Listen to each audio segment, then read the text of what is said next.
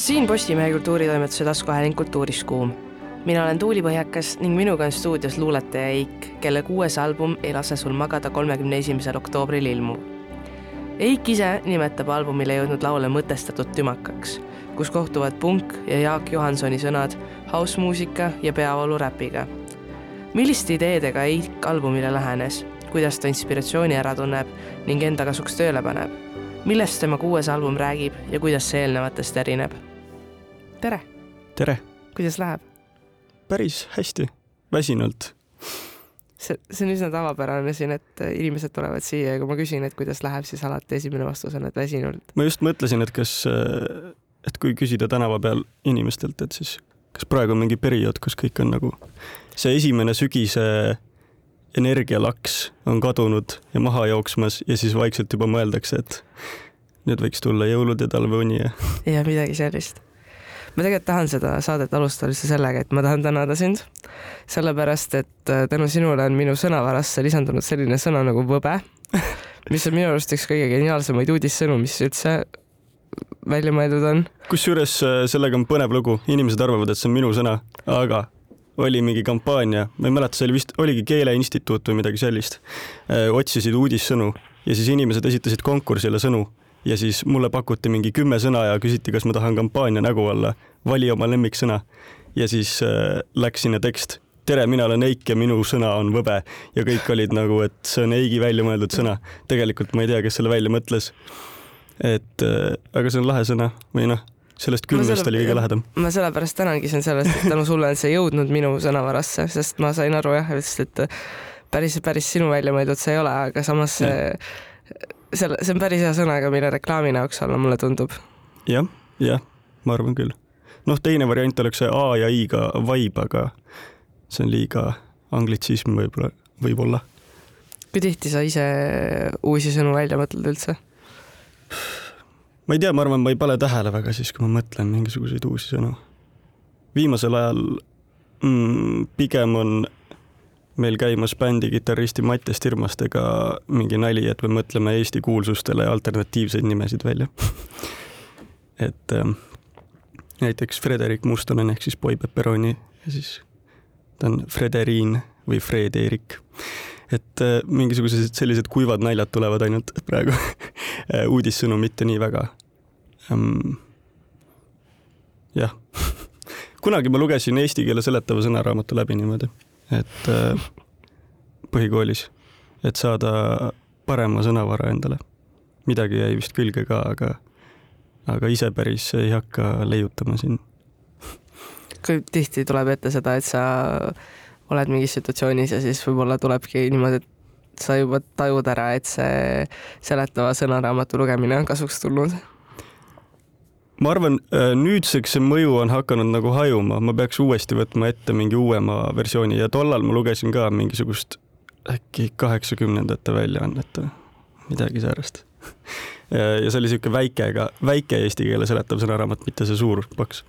et äh, mahtus koolikotti mina ise olen selline inimene, et minul näiteks koduleheküljeks on sünonüümi sõnastik üldse mm, -hmm. sellepärast et ma kogu aeg tunnen, et äh, ma tahan neid mingeid uusi sõnu avastada, mida ma ei ole seni nagu äh, millest ma ei ole seni teadlik võib-olla mm -hmm. või siis ma ei taha ennast nagu korrata mingites sõnades ja mingites lausetes, nii et ma kogu aeg vaatan sinna, check in seda, et äh, mis, mis sõnu veel maailm pakub mulle, mis sõnu eesti keel pakub mulle veel. jaa ma olen kogu aeg olnud räme pedant sellega, et kui ma kirjutan, et siis ja ja ning käiks kordamööda lausetes, sest et kui sul on järjest ja ja ja või ning ja ning nagu teiste sõnade vahel, siis see tundub äh, sihuke konarlik alati.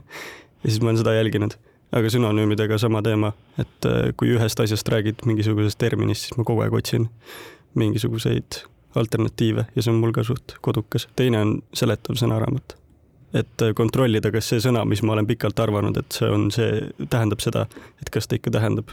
kahtluse momente on olnud palju ei oska midagi konkreetset ei oska välja tuua. sinu puhul räägitakse sellest, et sa kirjutasid oma esimesed luuletused juba kuueaastaselt. jah, no eks ma ise olen rääkinud seda ka aga see, see on isegi dokumenteeritud või noh, esimene on mingi kaheksa-aastasest, aga mul on alles väikesed raamatukesed, mis ma viiesena kirjutasin Need olid mingi fantaasia, kus päkapikud ja mingid lohed võitlesid, mu vanaema aitas kirjutada neid.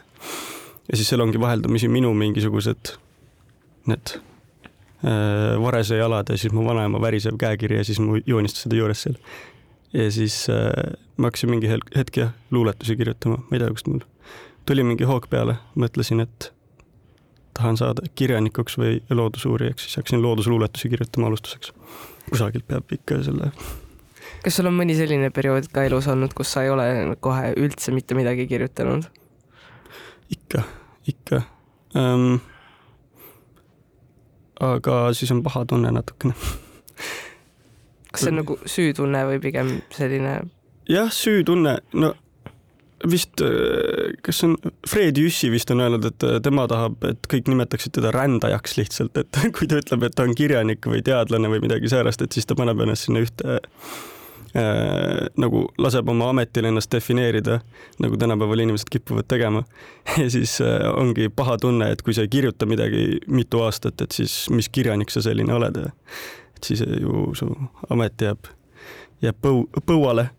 aga aga mina kuidagi jah, kuna ma liiga palju midagi paremini ei oska, kui see kirjutamine on, siis siis, äh, siis on paha tunne, kui see asi, mida, mille kaudu ma ennast defineerin nii-öelda, jääb soiku kuidagi, see on niisugune mõttetu tunne. miks, miks see on siis mingitel teatud hetkedel soiku jäänud? ma ei tea, lihtsalt ei viitsi vahepeal oled nii läbi omadega, mul on see, et kuna mul käib see hull mikromanageerimine mm,, tahan kõike ise alati teha.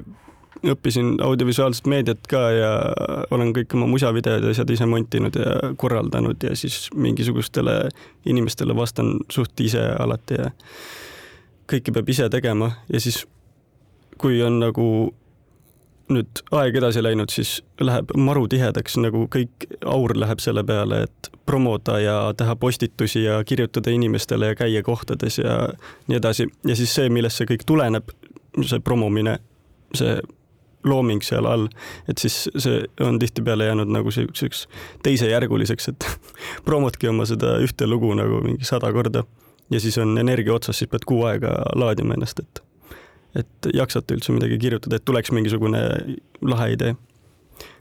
aga jah, vahepeal oli selline madalseis ka, kus, kus ma ärkasin mingi äh, lõunapaiku üles ja läksin hilja magama ja siis oli selline mõttetu tunne, sest hästi vähe oli päevavalgust ja ja siis ei kirjutanud ka väga. aga, aga ma sain sealt välja just sellega, et ma kõigepealt oma selle ärkamise kellaaja panin enne kella kümmet. sain rutiini tagasi ja teine asi oli see, et ma kirjutasin endale üles, et iga päev kirjutaks kasvõi viis rida teksti.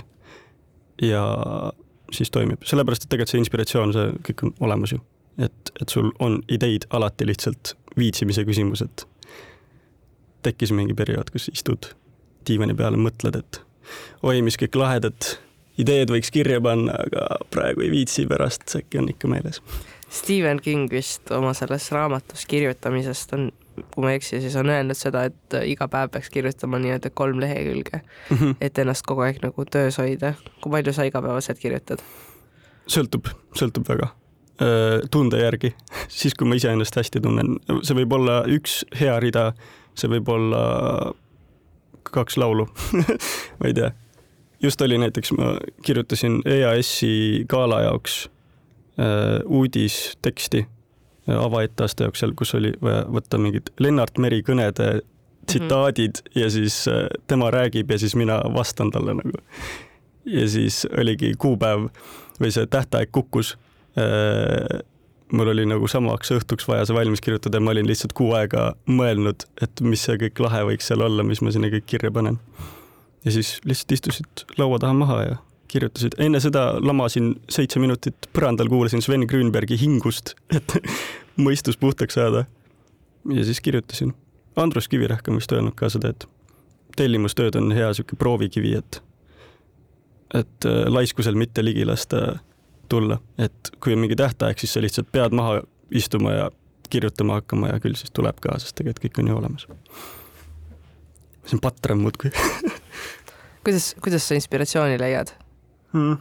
sa ütlesid, et see on olemas, aga see on lihtsalt kättevõtmise asi, on lihtsalt kirjapanemine, aga kust see inspiratsioon tuleb? ma ei mäleta, kas see oli Remark või keegi, kes kirjutas mingisugusele noorele hakkajale tüübile, kes kirjutas talle, et tere, kuidas ma saaks inspiratsiooni ja millest ma kirjutama peaksin ja ma tahaks nii väga kirjanikuks saada ja siis ta oli, et kuule, et sina, et sa oled mingi kakskümmend, et isegi kui sind pandaks praegu vangi ülejäänud eluks, et siis oleks ikka millestki kirjutada. Nendest pilvedest, mis seal akna taga on või, või, või oma elumälestustest, et midagi on alati, millest kirjutada meil kõigil, ma arvan, me oleme noh, juba, juba kogenud päris palju ja ka kuueaastaselt on, millest kirjutada ja siis on see avastamise rõõm. et äh, jah, ma loodan, et mul ei kao ära see äh, lapselik huvi mingisuguste uute asjade vastu või, või tuttavatest asjadest millegi mitteargise otsimise huvi. siis kaob luule ka ära, ma kardan. kas sa, kas sa kirjutad ainult luulet või sa oled püüdnud ka kirjutada, noh, ütleme romaani näiteks? põhikoolis üritasin ja ma kirjutasingi mingi sada kakskümmend lehte käsitsi näiteks vihikusse üles äh, Harry Potteri fanfiction'it. et lähevad ikka sinna sigatükasse, aga mingid teised tegelased, kes ma ise välja mõtlesin oma mingi klassikaaslaste põhjal ja et mis nad siis teevad, siis mõtlesin neile ise mingid seiklused välja. Äh, jah igasuguseid, jah, põhikoolis mul oli mingi hull tuhin, ma kogu aeg kirjutasin käsitsi nagu mingeid raamatukesi. Need tihtipeale jäid lõpetamata, tihtipeale olid mitmes erinevas osas ja siis ma ei teadnud, mis edasi saab, siis ma jätsin selle neljanda osa kirjutamata võtsin jälle uue selle sarja ette, aga mul oli haige tuhin, ma olin, mõtlesin, et vau, et et mingi the Rings ja Harry Potter on ikka nii kõva, ma tahaks ka kunagi oma siukse sarja kirjutada. aga praegu tunnen, et proosa on ikka, no see on raske see ei ole kõigi jaoks ja ilmselt ka mitte minu. et äh, ma võin niisugust õnnepalu stiilis päeviku vormis asja kirjutada küll ja ma olen päevikuid elu jooksul palju pidanud, aga mm, see on palju niisugune keerulisem, et see inimesele hinge läheks, kui mingid lühivormid. kuidas sa tead, et lühivorm hinge läheb? sa pead kontsentreerima paari rea peale palju rohkem emotsiooni ja oma mõtte kähku edasi andma. noh, kolm, kolme sõnaga põhimõtteliselt. sama, mida sa saaksid romaanis näiteks ühe peatükiga teha. aga siis sul ongi seal hästi palju sõnu ja sa pead seda narratiivi ehitama ja mõtlema kõik läbi ja oma stiili leiutama veel ja see on keeruline. ma ei julge sinna maailma küll minna ja mul ei ole lugemus ka tegelikult nii suur, et äh, ma tunnen, et head kirjanikud ikka on hästi palju lugenud ka, ma olen palju luuletusi lugenud. ja kas see, kas see, et sa oled palju luuletusi lugenud, teeb sinust siis parema luuletaja? kindlasti, siis sa tead seda skeene, vaata et jah. ja ma tean, et mingid muusikud näiteks, kui nad teevad, neil on mingi periood, et plaat, davai, teeme bändiga plaadi, salvestame ühe korraga ära, mõtleme lood nädala ajaga välja, onju teeme sesse lihtsalt järjest, võtame kõik vabaks. siis nad ei kuula üldse mitte mingisugust muud muusikat. mul on just see, et kuidagi otsid neid reference track'e, et kelle muusika mulle kõige rohkem meeldib, mis ma saan sealt võtta ja teha nagu enda stiilis ja nii, nagu mulle meeldib et selline mõttemäng käib alati, et umbes King Cruel on cool ja, ja on võrreldud temaga mingisugused tüübid on nüüd öelnud, et ma meenutan talle veits. Ja siis ma, ma vaatan seda, mõtlen, et mis sealt, kuidas õppida parimatelt. Kas seda hirmu ei ole, et see liiga kuidagi imiteerivaks läheb? ei ole, ma ei tea, ma ei taha, no ma ei tee täiesti seda, et mingi lappan top viitekümmet ja siis mida me täna sämpeldame siit? Et keda me jäljendama hakkame? Mm,. ma ei taha jäljendada, ma pigem jah, see ongi interpreteerimine, ma ütleks. otsid seda ka seda inspiratsiooni sealt, kuulad seda ja mõtled, et see on see, mis sulle meeldib, et see on nagu see, mis sa tahaksid ka kuhugi üle kanda võib-olla? nojah, kui ma näiteks suhtlen inimestega, räägin juttu, siis ma ka noh, kogu aeg on see radar, radar käib, et äh, see oli hea lause või see oli hea mõte ja seda ma hakkan edasi arendama pärast kodus. et ma arvan, kui ma tarbin mingisugust kunsti, siis see on sama teema. nii et jah sa ütlesid, et äh, mõned teevad seda, et nad võtavad nädal aega lihtsalt vaba aega selleks, et album valmis teha, aga kui kaua mm. sinul albumiga, albumiga aega läheb? no lõpuks taandub, noh, sa teed seda kaks nädalat, aga siis hakkad miksima ja kõike ja siis see võtab ikka mingi kaks-kolm aastat. ja ma tean artiste, kes annavad iga viie aasta tagant plaadi välja, no näiteks ongi King Krul või Tame Impala või kes iganes et äh, võtavad hästi palju aega ja siis neil tulebki hästi pikk ja põhjalik plaat välja seal, kus nad on palju saanud filtreerida ja kassida ja mõelda ja üle mõelda. Äh, mul on ikka see, et jõuaks ikka võimalikult palju elu jooksul neid plaate välja anda, et muidu läheb vahepeal hapuks see plaat, mida sa viis aastat seal keevitad ja need esimese, esimese paari aasta need äh, lood hakkavad juba tunduma sulle endale sellist, et noh, nüüd ma teen ikka paremini et mul on sihuke kaks aastat äkki, poolteist aastat. kaks aastat läks selle plaadiga, mis praegu välja tuleb. jah. et ähm, palju sõltub minu puhul ka sellest, et kuna ma ei tee ikkagi nagu täiesti sooloasju, ma ei ole muusikateoorias nii tugev, vaid pigem kirjutamises. ja ma tean, mis mu nagu maitse on. ma veits oskan produda ka ja montida ja asju teha. aga mul on hästi tugev taustatiim ja siis äh, inimesed, kellega koos ma teen lugusid, siis ma pean tihtipeale ootama, et neil oleks ka vaba aega ja inspiratsiooni. et siis äh, sihuke põrgatamine käib kogu aeg, nagu tänapäeval ikka, et äh, muusika tegemises siis, et saadetakse üksteisele kordamööda mingeid faile kusagilt Dropboxist. see oli väga huvitav, et sa just ütlesid seda, et, ähm, et sa kui sul, kui sa peaksid tegema viis aastat albumit, et siis sa nagu tüdineksid ära nendest esimestest lugudest mm. -hmm. kõige naljakam on see, et kui ma annan plaadi välja ja nüüd on mingi, mingid lood on viis aastat näiteks kerinud. Ma ei mäleta, millal mu Usuvi välja tuli, see oli kaks tuhat kakskümmend vist või? noh, kolm aastat. või siis Tramm, mis tuli kaks tuhat kaheksateist. mingisugused lood ja siis ma ikka saan vahepeal sõnumeid mingisugustelt inimestelt, kes on nagu, et jõu, ma olen aastaid seda kuulanud ja ei ole ära tüdinenud. et ma ei tea, ühel hetkel tahad lihtsalt vabaks anda selle loo kuidagi. et inimesed, kellel ei ole nagu sedasama vaatenurka, mis sul, sellepärast et sa istusid selle looga tundide viisi, jaurasid seal. et siis, et siis nad saaksid selle enda omaks teha ja, ja noh, alati on mingi sihuke kibelus ka sees, püsimatus, et on vaja ikka pidevalt mussi juurde välja anda. minu puhul üldse jah, ma tunnen, et kuna ma alustasin suht noorelt, esimesed lood tulid, kui ma olin mingi neliteist äkki või. nüüd ongi kümme aastat varsti saab täis äh, tegemist, siis selle aja jooksul kui ma ei oleks andnud kõike seda välja, mis ma olen andnud, siis ma ei oleks võib-olla selles punktis, kus ma praegu olen. sellepärast, et ma olen kogu aeg saanud nagu avaldada, saada tagasisidet, inimestega koos kasvada.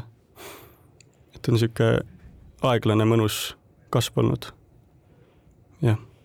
mida sa silmas pead selle lugudega koos kasvamise all? lugudega koos kasvamine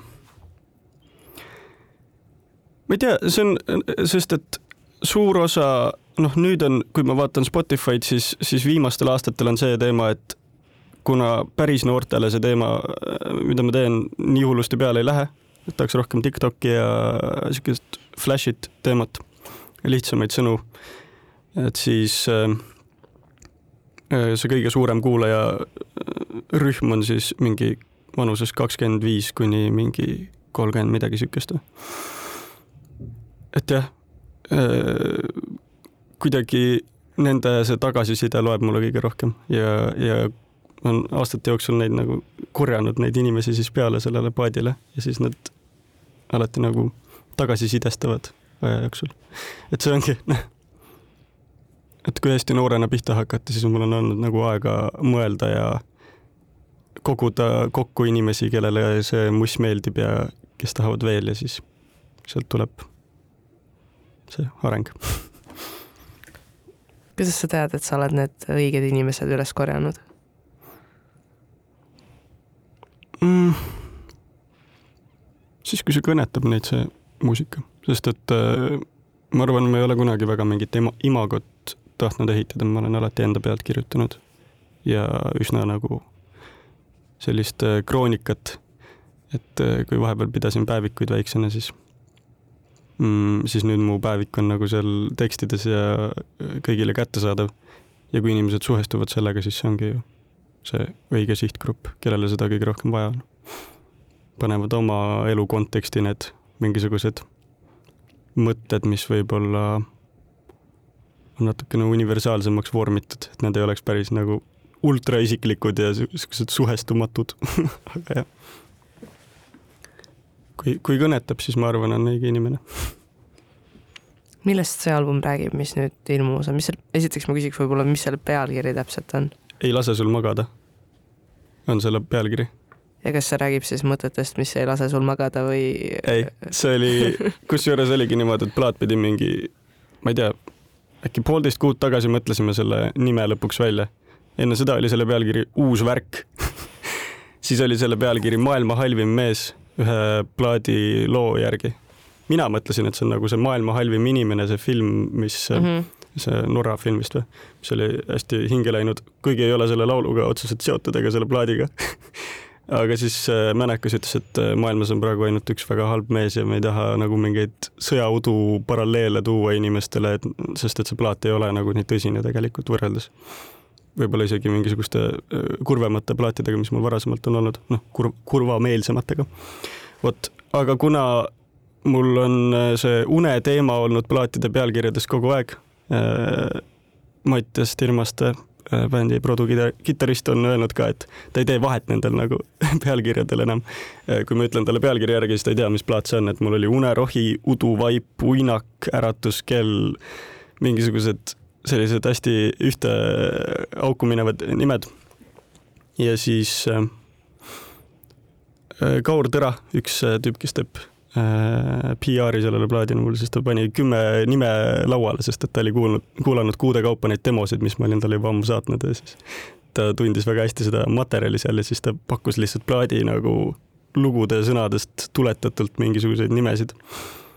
ja siis äh, ei lase sul magada jäi hästi sõelale, sellepärast et see on ikka see une teema, aga kuna on niisugune rohkem pidusam, tümmisem klubimuusika plaat äh, et siis äh, ta ei lase sul magama jääda, sest et kõik on hästi vali. vot, äh, võrreldes eelmise plaadiga, mis oli siis Udu Vaip, kus oli peamiselt sihuke indie ja mõnus loksumine, et sa oledki seal udu sees. vot, aga ta ei ole väga sihuke kontseptuaalne plaat. Tal on täiesti seinast seina, seal on nagu, seal on house'i, mis on segatud Jaak Johansoni tekstiga, seal on äh, mingisugused uue kooli feature'id nagu Max ja Villem Trillem ja Sam ja Maria Kallastu ja mm, Kirot, jah. natuke tegin sellist ruletti isegi selle plaadiga, et kuna kuidagi juhtus, et me Villemiga tegime koos ühe loo ja ma seadsin ta siuksesse ebamugavasse olukorda, kus äh, ei ole väga trilli või mingi popi beat äh,. oli hoopis natuke siuke naksitrallid ja mingi huvitavad efektid seal ja mingi Äh, Jaapani progebändi seitsmekümnendate mingi sample, mil, mis oli Mattiselt tulnud kusagilt.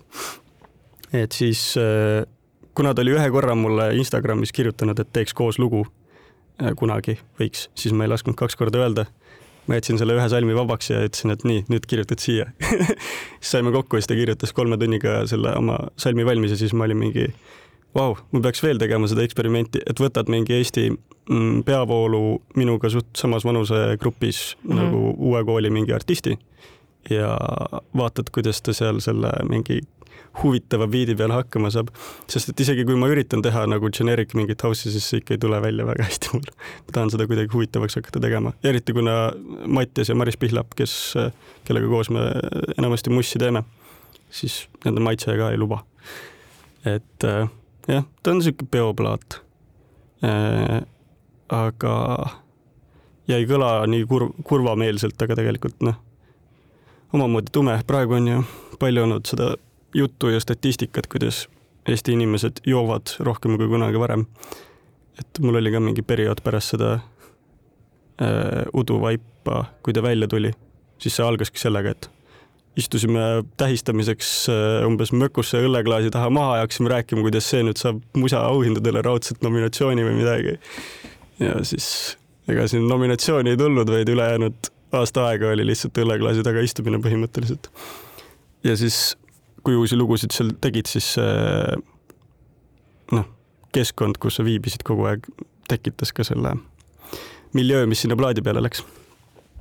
et jah Ehm, tegelikult päris tõsine asi ja läbivalt, kuigi ta ei ole kontseptuaalne, tal, ta on pigem kogumik, et nagu mingi kahe aasta läbilõige lihtsalt mingid singlid, mis me oleme kokku teinud ja igaüks on oma näoga. et siis läbivad teemad, kui ma nüüd mõtlen, siis ta ongi äkki mingisugune nostalgitsemine. see periood su elus, kus sa oledki ülikooli esimese astme ära lõpetanud sõbrad kõik äh, ja sa ise ka olete kusagile oma eluga mingisugusesse, mingise, mingisuguse kindluse poole teel. kõik ikka otsivad natukene ennast ja siis ei ole enam väga palju aega nagu üksteisega suhelda ja, ja siis igatsed mingisuguseid vanu sõpru. aga teil kummalgi ei ole aega, et rääkida isegi ja siis, kui te kohtute, siis sa tunned, et sa ei ole enam võib-olla temaga samal lainel nii palju, sest te olete nii palju juba avastanud mingeid muid asju maailmas et äh, natuke see nooruse kadumise pärast ette muretsemine või nii. ja samas hästi suur tänulikkus, et on inimesed, kes, kes igapäevaselt, et sa võid talle helistada ja kokku saada ja rääkida oma muredest, mis tekivad. sa ütlesid, et see on selline natuke nagu peoplaat, aga kas see on ka tantsitav plaat? Äh, ma arvan, äh, õõtsuda saab kindlasti või noh, seda pead nõksutada. no klubimuss on ju tegelikult sihuke, et ega sa seal väga tantsida ju ei saa, sa hüppad pigem ühe koha peal aga mm, seal saab kaasa karjuda kindlasti. meil on üks, äh, see nimilugu Maailma halvim mees ongi mm, sihuke pungine. Seal on refrään, mida ma olen juba nüüd üle aasta aja vist erinevatel kontsertidel esitanud ja alati tuleb vähemalt üks sõnum, et jõu, kus seda kuulata saab. ei saa, tuleb plaadi peale ma olen seda hoidnud niimoodi ja siis kogu aeg äh, tiisinud. Äh, aga seal on jah refrään, äh, kus saab karjuda, et alati rahvaga koos, et ja ma ei lase sul magada, ma ei lähe su peolt minema, alles siis, kui jälle pime, ma leian uue FTK. ühesõnaga jah, natuke popmuusikat aga sa ütlesid ka tegelikult, ma võin eksida, aga see vist oli Vikerraadio saade Suur plaat, väike plaat, kus yeah. sa ütlesid ka, et sa tahaks tegelikult nagu niisugust midagi pungimat teha. jah yeah.. see plaan ei ole kuhugi kadunud. üks selline lugu on seal plaadi peal olemas. ja üks on ka eelmise plaadi peal olemas selline. ja nüüd meil on plaan, et teeme Mattiase ja Marisega järgmise plaadi niimoodi, et pool on nagu Jaak Johanson type värk hästi minimalistlik ja sihuke kitarrimuusika. ja siis teine pool on punk, segatud siis noh, hip-hopiga, sihukese retsiteerimise sõnamuusikaga. et jah, taevase põrgu mis see oli, Chalice'il. mis, mis žanreid, žanreid sa veel katsetada tahaksid mm,? Võib-olla jah, mingi folgi poole katsetada, see on minu jaoks suht äh, tume maa, aga meil Duo Ruuduga on mingisugune lugu soolas praegu vaikselt, detsembris läheme salvestama. et äh, Viljandi folgil ei ole veel niimoodi esinenud, esinenud, et siis tuleb jalg ukse vahele saada. See on äh, ikkagi see üks olulisemaid festivale aastas, et siis.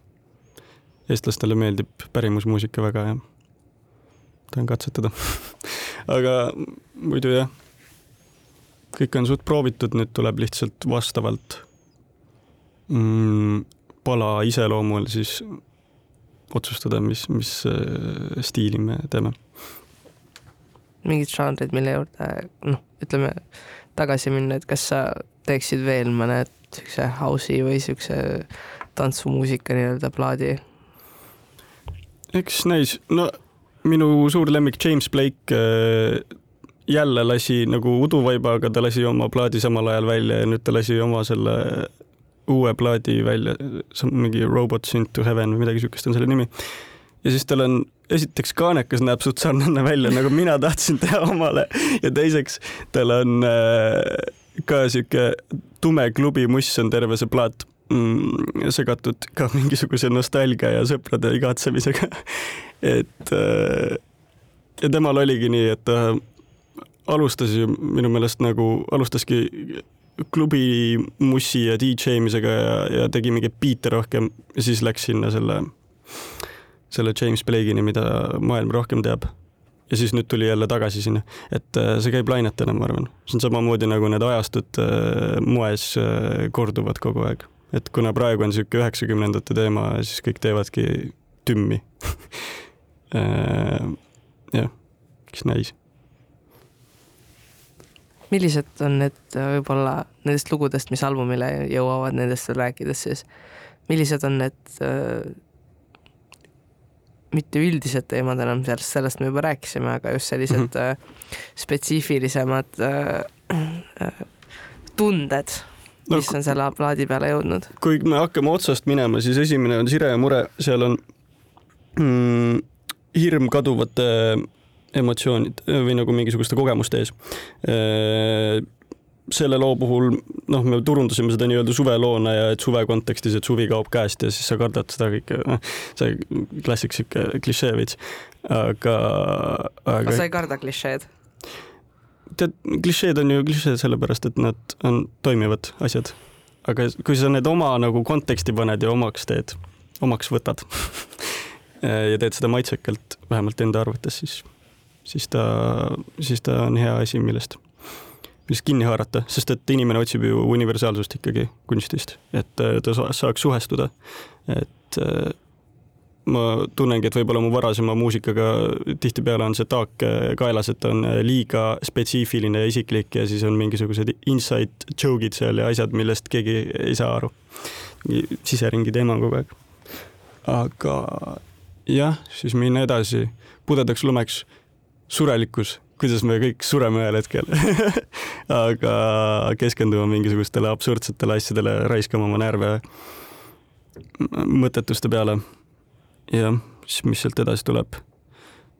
pool viis on koos Maxiga, see räägib äh, kaduvatest aastatest, sellest, kuidas sa oled pool viis hommikul klubi ees ja kõik sõbrad on kadunud nii-öelda kas sa märkasid, kui see möödus, sest ma ei näinud ehk need olid mu elude parimad aastad või olin täis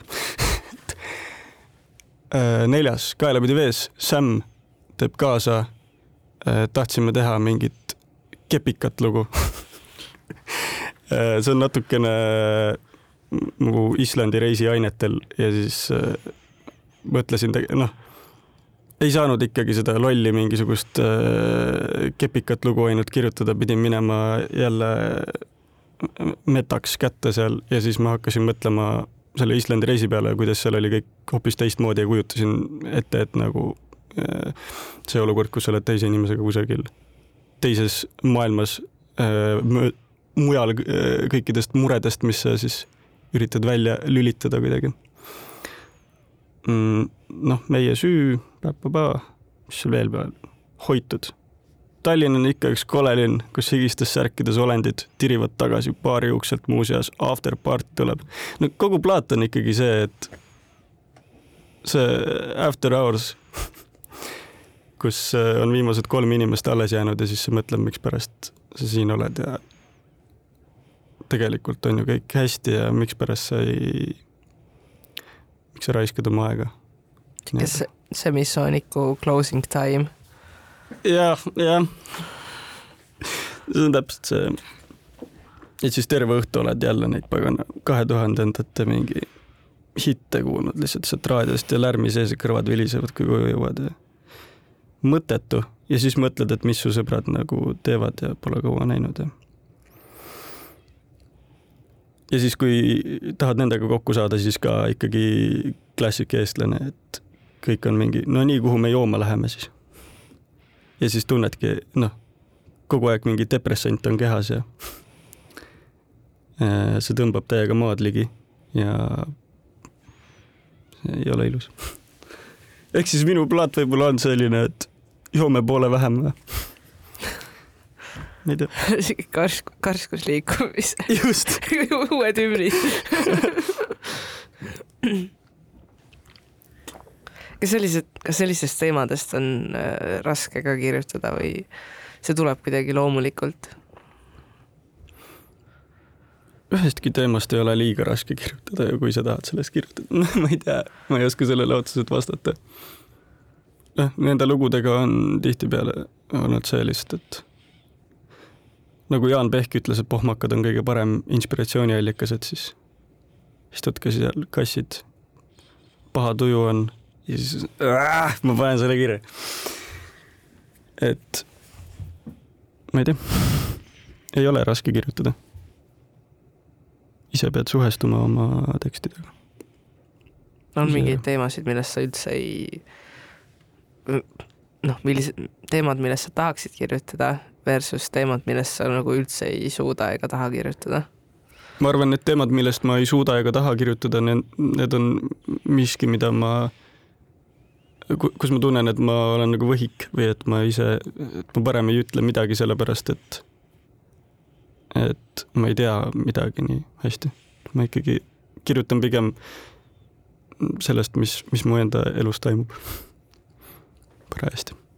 me enne natuke rääkisime sellest, kui kaua sul läheb selleks, et öö, üks lugu valmis kirjutada, et see võib varieeruda äh,, väga varieeruda, et Mhm. mõnikord see võtab väga lühikest aega, et sa kirjutad, kirjutadki terve loo võib-olla päevaga valmis ja teinekord äh, sa kirjutad ühe lause päevas ja siis sa, aga kuidas sa, kuidas sa saad aru, et su lugu valmis on?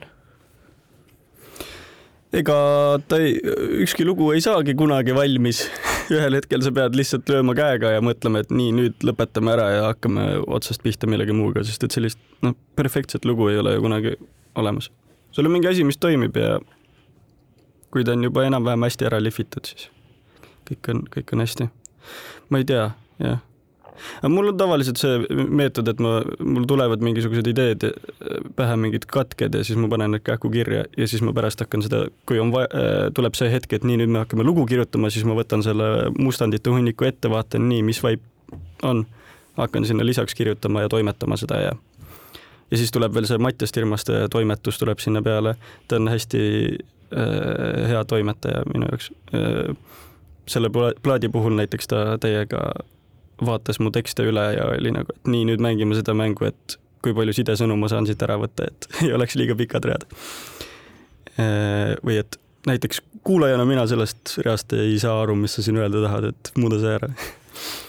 et äh, siuksed äh, taustajad on olemas. palju sul on seda musta materjali nüüd, neid mustandeid, mis mm Mhm. -hmm. oma aega ootavad? ma ei tea, ma ei ole kokku lugenud seda niimoodi.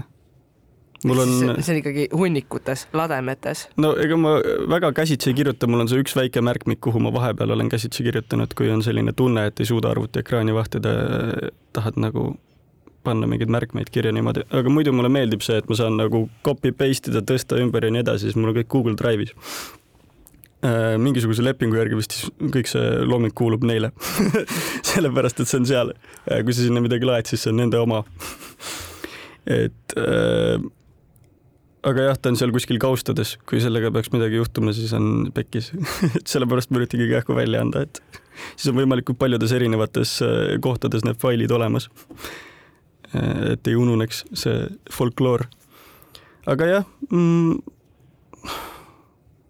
no ikka sa, sadu ikka vedeleb.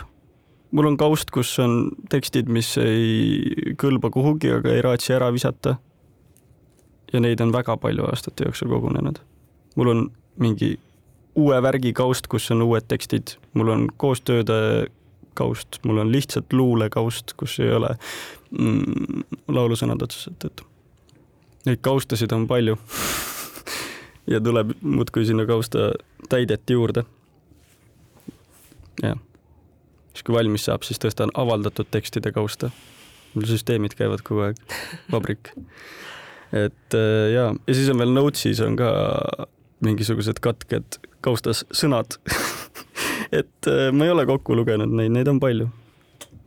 ja kui inspiratsioon tundub, et ei ole inspiratsiooni, et siis äh, ja on vaja kirjutada midagi, siis võtan lahti mingi suvalise asja ja siis on hea, et see olemas on. no just. Jah, aga hästi palju on neid tekste, millega ma olen mõelnud, et panen raudselt kirja ja siis unustan ära. Juhan Viiding on vist öelnud, et luuletaja on see, kes paneb endale valge paberilehe ja pliiatsi öökapi peale ja siis kui öösel tuleb mõte, et siis ärkab üles ja kirjutab selle üles, selle asemel, et edasi magada. et äh, see on see pühendunud luuletaja. Ma vahepeal olen teinud ka niisugust asja, alateadvus ongi see kõige suurem inspiratsiooniallikas võib-olla, sest sinna koguneb igasugust värki. hirmud ja taht-, tahtmised ja, ja see, mis paneb naerma, mis paneb nutma